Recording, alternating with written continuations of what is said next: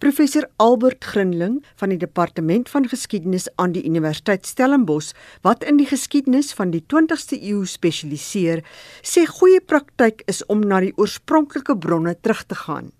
Ek dink die primêre manier wat mense dit behoort te evalueer is jy terug te gaan na oorspronklike bronne en kyk wat hulle ons meedeel. Maar nou moet jy ook byvoeg dat die bronne gee nie altyd die volledige prentjie nie omdat dit uit 'n bepaalde hoek uitkom. So dan moet jy kyk of jy nie bronne uit 'n ander hoek kan kry om die saak te mekaar op te weeg. En andersins en dit klink nou vir historikus om dit te sê miskien bietjie ver gesog maar dat jy ook jou historiese verbeelding moet gebruik in terme van wat was moontlik en wat was nie moontlik nie. Maar sê Grinling, 'n kritiese ingesteldheid is ook nie 'n waarborg dat die historikus korrek is nie. Een ding is egter duidelik, sê hy, politici span die geskiedenis in tot hulle voordeel. Hulle put die geskiedenis is byna soos 'n politieke arsenaal waar uit hulle luk raak en haal wat hulle pas. En dit is wêreldwyd gebeur dat jy probeer maar die geskiedenis plooi na gelang van van wat jou ideologiese belange in die hede is. Dink dit is George Orwell wat gesê het iets van na gelang van You controls the present, controls the past and the future. Grinling benadruk dat politici deur die eeue kort baie gevat het met die verlede om iets vir die toekoms tot stand te bring wat hulle in die hede ook kan dien. Emile Kutse van die departement geskiedenis by die Noordwes Universiteit sê hoewel dit so is dat die veroweraar van die stryd en nuwe maghebber die geskiedenis skryf, is daar uitsonderings. Engels van praat van 'n rou, hou dit hulle eie koppe volg en kom met geskiedskrywing dan start hulle redelik daai begrip uit om geskiedenis van 'n ander oogpunt te bestudeer. Dus byvoorbeeld die hele idee van die mite van die oop land was getoets en te lig gevind in die 1980s toe baie van die historiese begin die idee toets en dit het afgekom dat nie al die feite maak mooi sin nie en toe hulle daai idee soos wat die nasionale party het wou gepromoveer het heeltemal bewys as 'n mite en daar's geen feitelike agtergrond waarmee wat mense daarmee kan vereenselwig nie. Dit gebeur in Suid-Afrika selfs na 'n bevrydingsbeweging die mag oorgeneem het. So die ANC regime doen presies soos wat sy voorgangers gedoen het. Hulle nie die wiel herontwerp nie.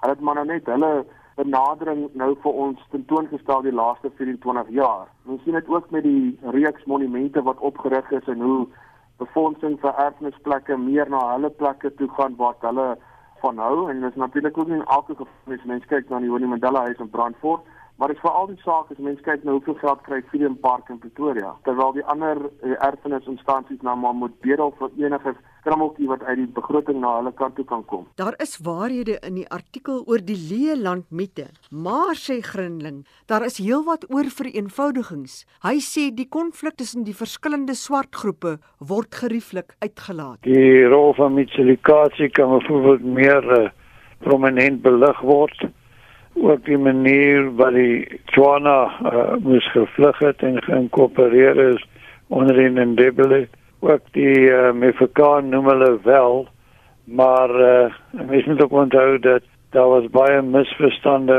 rondom die idee van wat behels grondbesit as jy wegtrek dan beteken dit nie dat jy sonder swart staan maar dat jy grond noodwendig opgee nie maar dit is soos die uh, die voortrekkers en ander wat voor hulle daar ingetrek het, dit beleef het.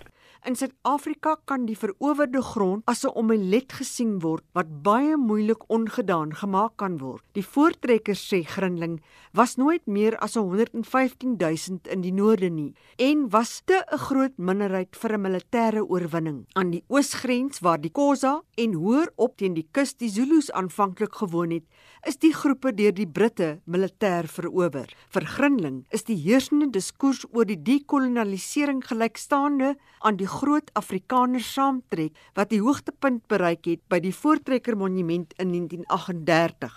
Die eerste is 'n mitiese teruggryp na die tyd oor kolonialisme wat gebaseer is op die grondslag dat daar vrede was as ook genoeg hulpbronne. Daar was miskien meer as na kolonialisme maar dit was nie dat almal vreedsaam oor die weg gekom het nie. So dis 'n teruggryp na mitologiese verlede En uh Afrikaners het ook dieselfde tipe teruggryp gehad, byvoorbeeld in 1938 Eufees wat die groot trekker dink het het hulle teruggegryp na 'n vervloë periode om hulle situasie in die Here ideologies te bevestig dat die grond aan hulle behoort. Die werklikheid was 'n baie ingewikkelder prentjie, aldus professor Albert Grinling. Emile Kutse benadruk dat die regerings van die dag in Suid-Afrika oor die afgelope 200 jaar bepaal het watter geskiedenis kinders leer. Ek dink die vraag wat mense moet vra is dat hoekom het politici enige insig in die geskiedskrywing van geskiedenis? Dis nie eintlik hulle kommoditeit om hier handel te dryf as ek dit so kan stel. Dit moet eintlik in die hande wees van die deskundiges soos historiese by universiteite en by museums en natuurlik ook jou geskiedenisonderwyser. Wat is geloofwaardige geskiedenis? Professor Albert Grinling van die Departement Geskiedenis aan die Universiteit Stellenbosch sê die oorspronklike bronne moet die beginpunt wees. Ek dink dit is belangrik om te besef dat elke geslag kry sy eie geskiedenis. Maar ek sal die meeste tipe geskiedenis wat ek die meeste sal vertrou is die wat gebaseer is op oorspronklike navorsing op deeglike afgeronde argumente en dan ook wat nog steeds 'n tikkie twyfel laat in mense gemoed. Kutsie sê hy twyfel of enige iemand 100% neutraal kan wees. Elke ou kom nou maar met sy eie voorkeure en sy eie idees. Mense moet nou maar net altyd weet dat 'n historikus is ook maar mens en hy het maar ook sy eie lewenservarings en hy hy benader ook historiese feite sy eie konteks uit. So mense moet nou maar liewer kyk na die feite wat 'n persoon weergee en hoe hy dit verduidelik in plaas van net aan die subjektiwiteit vas te kyk. Want ek glo nie daar's 'n bron of daar's 'n publikasie wat nie subjektief is in enige perspektief nie. Natuurlik is daar verskillende grade van subjektiwiteit, so nou maar daardeur worstel nie, maar jy moet nou maar soveel sekondêre en primêre bronne akkommodeer in jou eie bestudering as wat jy moontlik kan. Ander professionele velde kan ook geskiedskrywers help om feitelik te wees. Argeologie sou in die gapings wat jou geskrewe bronne nie kan doen nie. En dan het jy ook natuurlik antropologie wat jou kan help oor hoe samelewings vandag bestaan en saam met mekaar leef of nie. Die ou nasionale partye het in baie toe hulle die land bestuur dit as volkekunde genoem.